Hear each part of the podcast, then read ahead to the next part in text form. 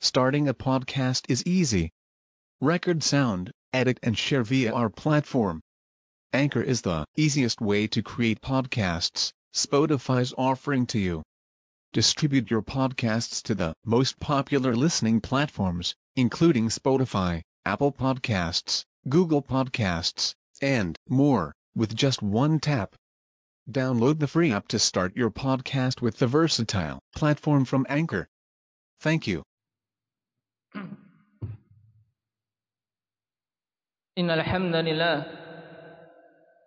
نحمده تعالى ونستعينه ونستغفره ونعوذ بالله من شرور أنفسنا وسيئات أعمالنا. من يهده الله فلا مضل له ومن يضلل فلا هادي له. أشهد أن لا إله إلا الله وحده لا شريك له.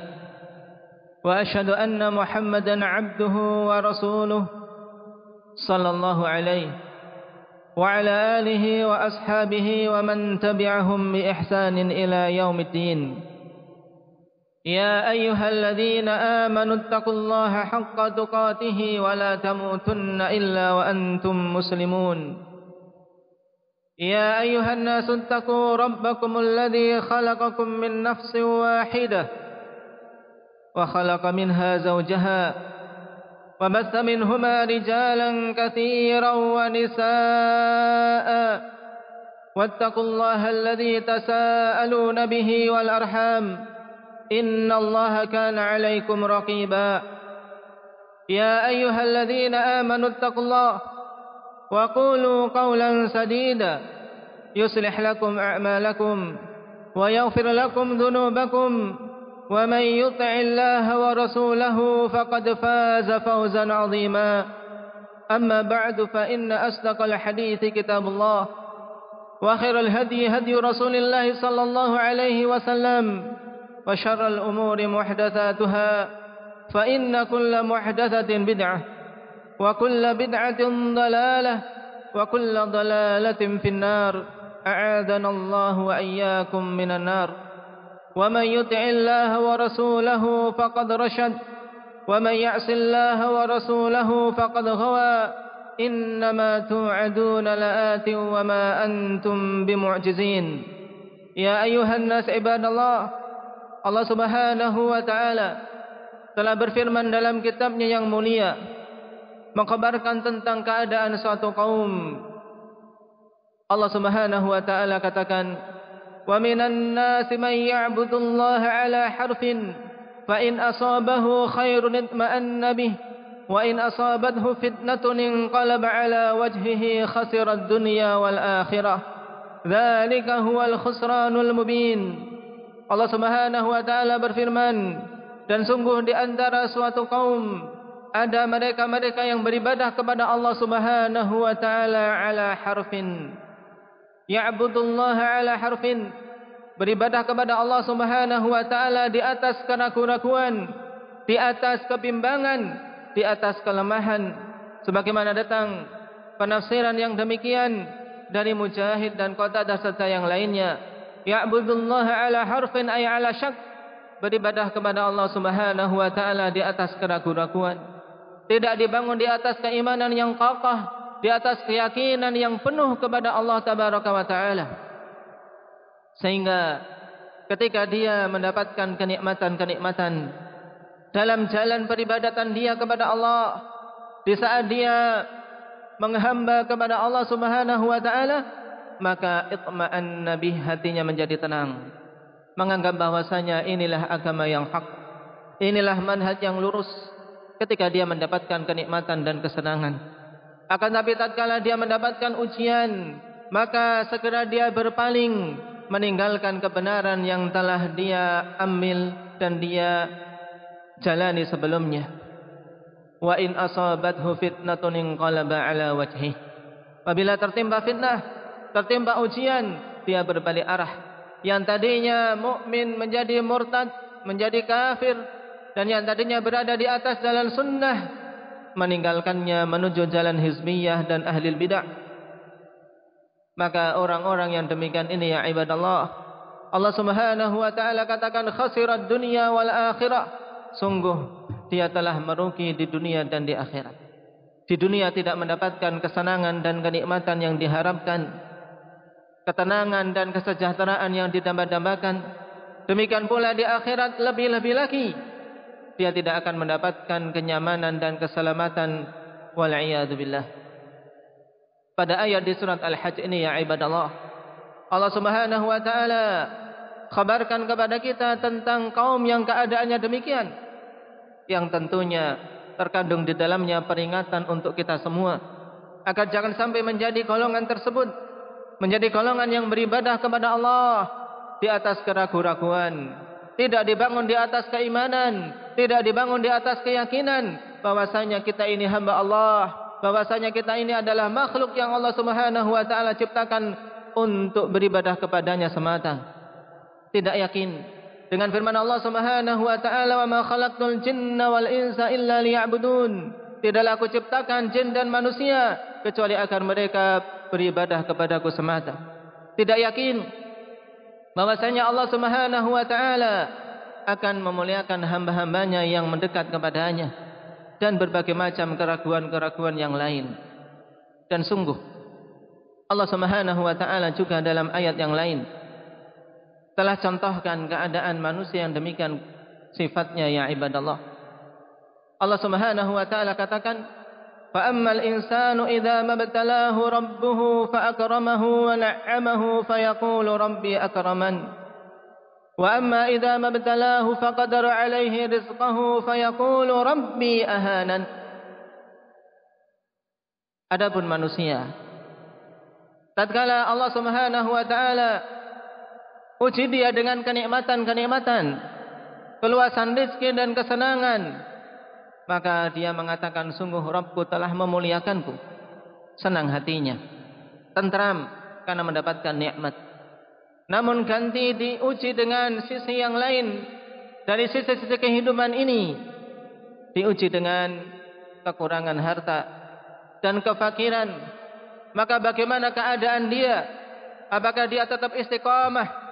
di atas jalan peribadatan dan istiqamah dalam memuji Allah tabaraka wa taala ternyata tidak Allah Subhanahu wa taala katakan wa ammal wa amma idza mabtalahu faqadara alaihi rizqah fayaqulu rabbi ahanan. Adapun tatkala kami uji dia dengan disempitkan rezekinya ditimpakan kepadanya musibah-musibah dan ujian yang menyulitkan maka dia berganti arah suudzon kepada Allah tabaraka wa taala berprasangka buruk kepada zat yang telah menciptakannya. Rabbi ahanan katanya sungguh rabbku telah menghinakanku. Rabbku telah meninggalkanku. Rabbku tidak memberikan pertolongan kepadaku.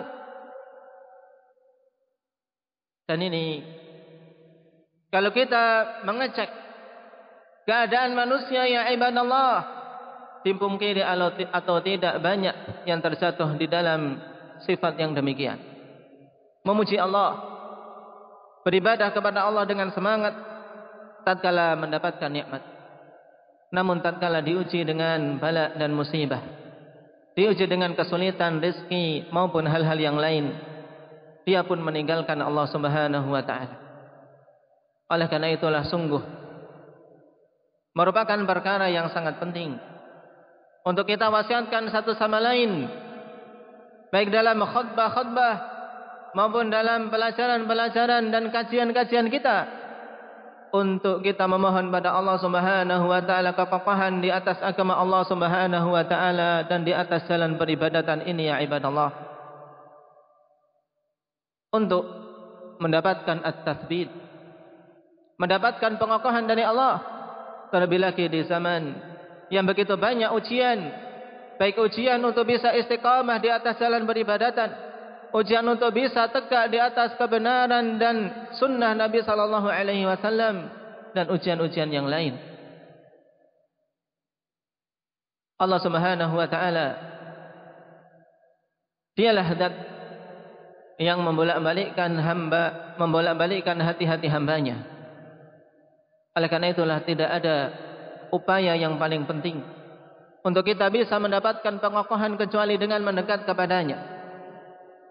Telah diriwayatkan oleh Imam Muslim rahimahullahu taala dari Abdullah bin Amr bin Al-As radhiyallahu anhuma. Rasulullah sallallahu alaihi wasallam bersabda, "Inna quluba bain inna quluba bani Adam baina isba'aini min asabi'ir Rahman, ka qalbin wahid yusarrifuhu haitsu yasha'." Wa kana Rasulullah sallallahu alaihi wasallam yaqul, "Wa ya musarrifal qulub, sarrif qalbi ala ta'atik." Sesungguhnya hati-hati anak Adam. Itu berada di antara dua jemari dari jemari-jemari Allah Subhanahu wa taala. Yang Allah Subhanahu wa taala membolak-balikkan keadaan hati hamba-hamba tersebut sesuai dengan kehendaknya. Dan adalah Rasulullah sallallahu alaihi wasallam banyak sekali mengucapkan di dalam doanya wahai zat yang mengubah arah-arah hati arahkanlah hatiku di atas ketaatan kepadamu dan juga datang dari Anas bin Malik radhiyallahu anhu di mana Rasulullah sallallahu alaihi wasallam banyak berdoa kepada Allah Subhanahu wa taala ya muqallibal qulub tsabbit qalbi ala dinik. Wahai zat yang membolak-balikkan hati pakokkanlah hatiku di atas agamamu. Jangan seorang mengira ketika dilahirkan di atas keislaman. Yakin dia akan mati di atas agama yang hak tersebut. Jangan pula seorang menyangka bahwasanya ketika seseorang telah berjalan di atas sunnah kemudian dia bisa mati terus menerus istiqamah di atasnya sehingga merasa aman dari ujian-ujian merasa aman dari makar Allah Subhanahu wa taala dan katakanlah bahwasanya perasaan yang seperti ini malah akan menjadi bumerang bagi siapa saja yang memilikinya.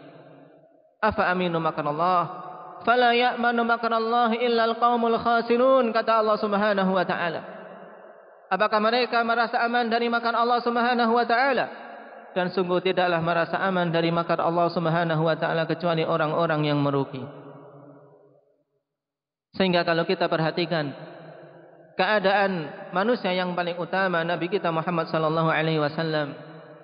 Beliau senantiasa menggantungkan harapannya kepada Allah dan merasa khawatir disimpangkan dari jalan al-haq. Bagaimana tidak? Allah Subhanahu wa taala telah ingatkan kepada beliau sallallahu alaihi wasallam dalam firman-Nya, "Walaula an sabbatnaka laqad kitta tarkanu ilaihim syai'an qalila." Wahai Nabi, Kalaulah bukan karena kami mengokohkan engkau, maka sungguh engkau akan condong, engkau akan menyimpang kepada mereka walaupun sedikit. Ini Rasulullah sallallahu alaihi wasallam. Allah ingatkan bahwasanya kekokohan itu berasal dari Allah Subhanahu wa taala semata. Oleh karena itulah wajib atas kita semua ya ibadallah untuk senantiasa memohon, senantiasa memelas, senantiasa merasa khawatir. Jangan sampai Allah Subhanahu wa taala simpangkan kita dari jalan peribadatan. Jangan sampai Allah Subhanahu wa taala di saat-saat akhir kehidupan kita kemudian meninggalkan kita wala'iyadzubillah perhatikan bagaimana keadaan seorang laki-laki yang Rasulullah SAW khabarkan. Di dalam hadis yang diriwayatkan oleh Abdullah bin Mas'ud radhiyallahu anhu dalam sahihain Rasulullah sallallahu alaihi wasallam bersabda fa walladhi la ilaha ghairuh wa inna rajula la ya'malu la ya'malu bi'amali ahli al-jannah. حتى ما يكون بينه وبينها إلا ذراع فيسبق عليه الكتاب فيعمل بعمل أهل النار فيدخلها Sungguhnya seorang laki-laki Sungguh dia telah beramal Dengan amalan-amalan penduduk surga Dia kumpulkan dalam hari-harinya di dunia Dan malam-malamnya yang dia lewati di dunia ini untuk beramal dengan amalan-amalan kebaikan, beramal dengan amalan-amalan penduduk surga, amalan-amalan saleh. Akan tetapi perhatikan ya ibadallah, tatkala hampir-hampir dia dikatakan oleh Rasul sallallahu alaihi wasallam telah menempuh jarak yang begitu dekat dengan surga.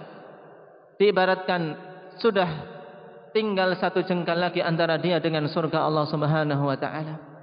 Akan tetapi pena penulisan takdir mendahului dia dia telah dituliskan sebagai penduduk neraka yang celaka maka di akhir kehidupannya dia beramal dengan amalan penduduk neraka sehingga dia pun masuk ke dalam neraka Allah Subhanahu wa taala. Kenapa ya ibadallah? Para ulama menegaskan dikarenakan si laki-laki tersebut ketika beramal dengan amalan saleh tidak ikhlas semata-mata karena Allah, tidak mengharamkan semata-mata pahala dari Allah Subhanahu wa taala. Akan tapi dia beramal dengan amalan saleh hanya sekadar ingin dilihat oleh manusia. Beramal dengan amalan saleh hanya sekilas di zahirnya dan lahirnya saja. Akan tetapi batinnya tidak menjadi hamba Allah Subhanahu wa taala yang sebenarnya. Maka butuh untuk terus menerus kita memohon as-sabat, memohon kekokohan kepada Allah Subhanahu wa taala. Nas'alullah azza wa jalla ay yuwaffiqana lima yuhibbuhu wa yardah. Walhamdulillahi rabbil alamin.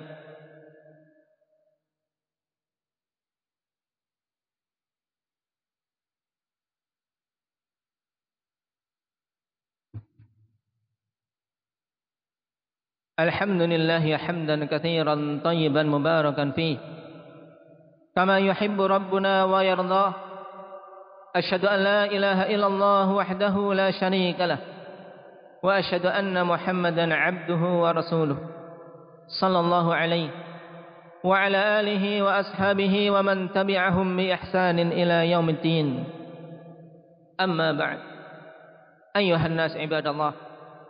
Telah kita ketahui penting, pentingnya keistiqomahan, pentingnya kekokohan di atas jalan beribadatan, pentingnya kekokohan di atas penghambaan kepada Allah Subhanahu wa taala, baik dalam kondisi susah maupun senang, dalam kondisi mendapatkan musibah ataupun kenikmatan, kita dalam semua kondisi tersebut adalah hamba Allah yang dituntut untuk menunaikan hak-hak Allah Subhanahu wa taala dengan sebaik-baiknya.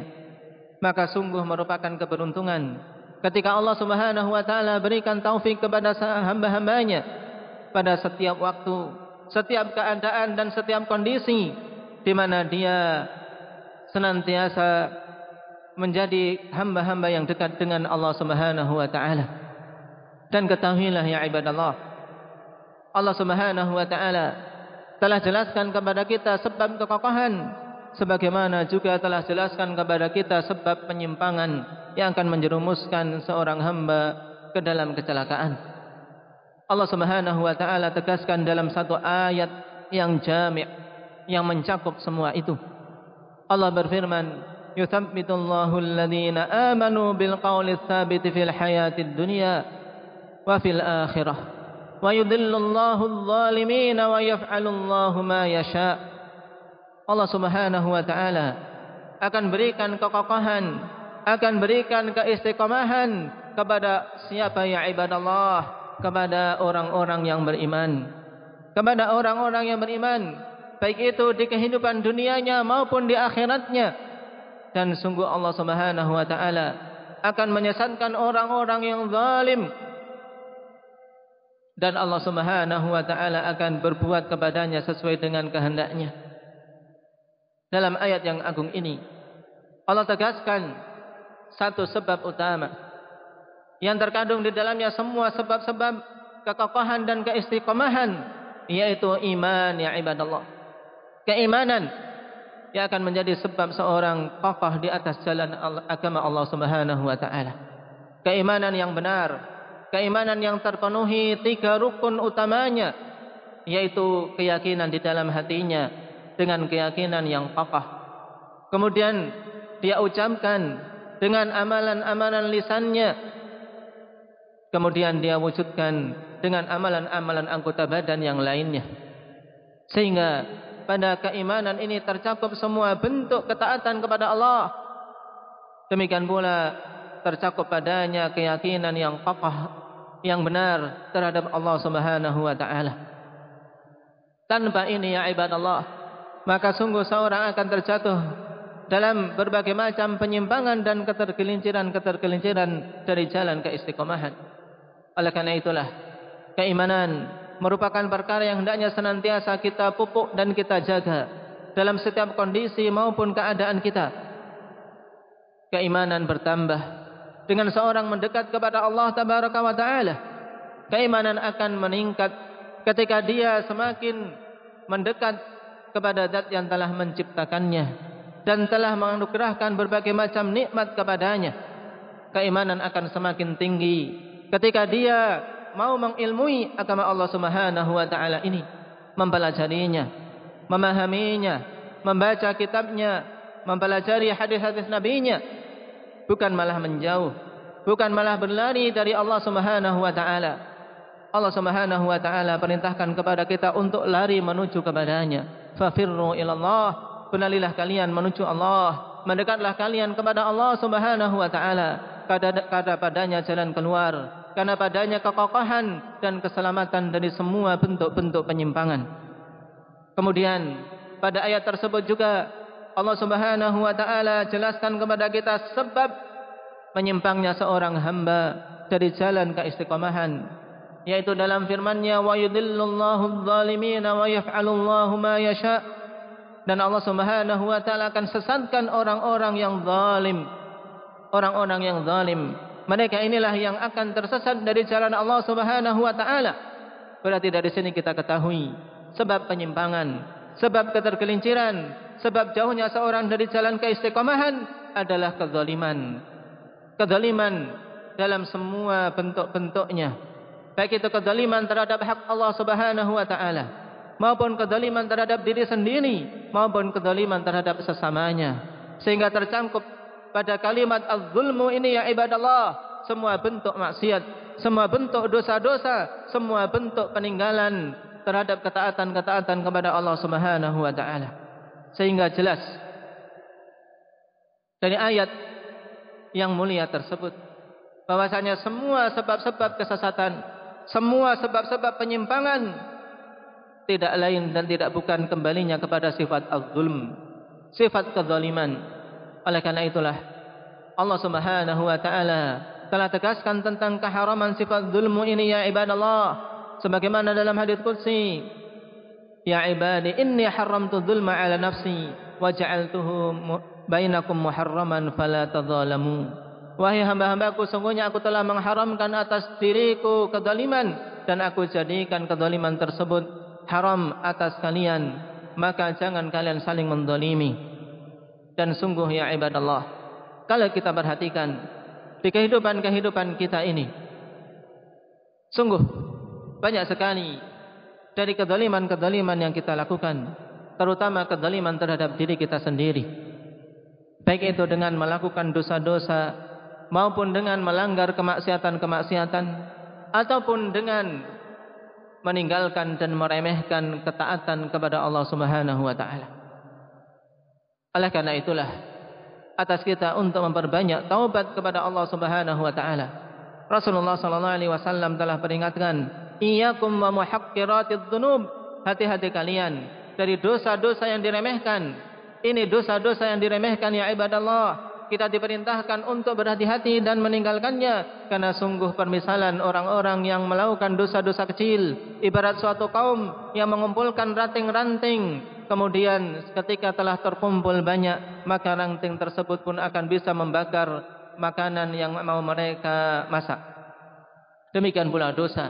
Ketika telah terkumpul banyak maka akan mampu membakar pelakunya walaupun itu asalnya adalah dosa-dosa yang kecil Lalu bagaimana dengan dosa-dosa yang besar? Dosa-dosa yang Rasulullah sallallahu alaihi wasallam sebut dengan al-mubiqat, dosa-dosa yang menghancurkan, dosa-dosa yang mencelakakan, terlebih lagi apabila dosa tersebut berupa kesyirikan kepada Allah Subhanahu wa taala. Maka tentunya dampak yang ditimbulkan lebih besar dan lebih dahsyat yang akan menerpa pelakunya wal billah. Dan kita hidup di zaman yang dosa-dosa besar ini banyak diremehkan oleh manusia. Baik itu riba, baik itu zina dan yang lainnya. Kalaulah kita tidak banyak-banyak mendekat kepada Allah, banyak memohon perlindungan kepadanya ya ibadallah, maka sungguh kita tidak merasa aman dari terjatuh dalam berbagai macam dosa-dosa yang menghancurkan tersebut. Anas bin Malik radhiyallahu anhu telah menghabarkan tentang sabda Nabi sallallahu alaihi wasallam innakum lata'maluna a'malan hiya adakku fi a'yunikum min asy-sya'rah wa kunna na'udduha ala ahdi Rasulullah sallallahu alaihi wasallam minal mubiqat. Sungguh sesungguh kalian itu akan melakukan suatu perbuatan-perbuatan yang itu kalian anggap remeh, anggap kecil, bahkan lebih kecil daripada sehelai rambut di mata kalian. Dan padahal dulu kami menganggap dosa-dosa tersebut termasuk perkara yang mencelakakan. Ini keadaan umat di zaman Anas bin Malik radhiyallahu anhu. Apalagi ketika melihat keadaan kita ya ibadallah. Maka kita memohon pada Allah Subhanahu wa taala as-sabat, memohon kekokohan, memohon keistiqamahan dalam banyak-banyak waktu kita ya ibadallah. Allahumma inna nas'aluka al-huda wat-tuqa wal-'afafa wal-ghina. Allahumma as'aluka as-sabat. Allahumma inna nas'aluka as-sabat fi amrina. اللهم إنا نسألك الثبات في أمرنا اللهم إنا نسألك الثبات في أمرنا اللهم آتنا في الدنيا حسنة وفي الآخرة حسنة وقنا عذاب النار وصلى الله على محمد وعلى آله وأصحابه أجمعين وآخر دعوانا أن الحمد لله رب العالمين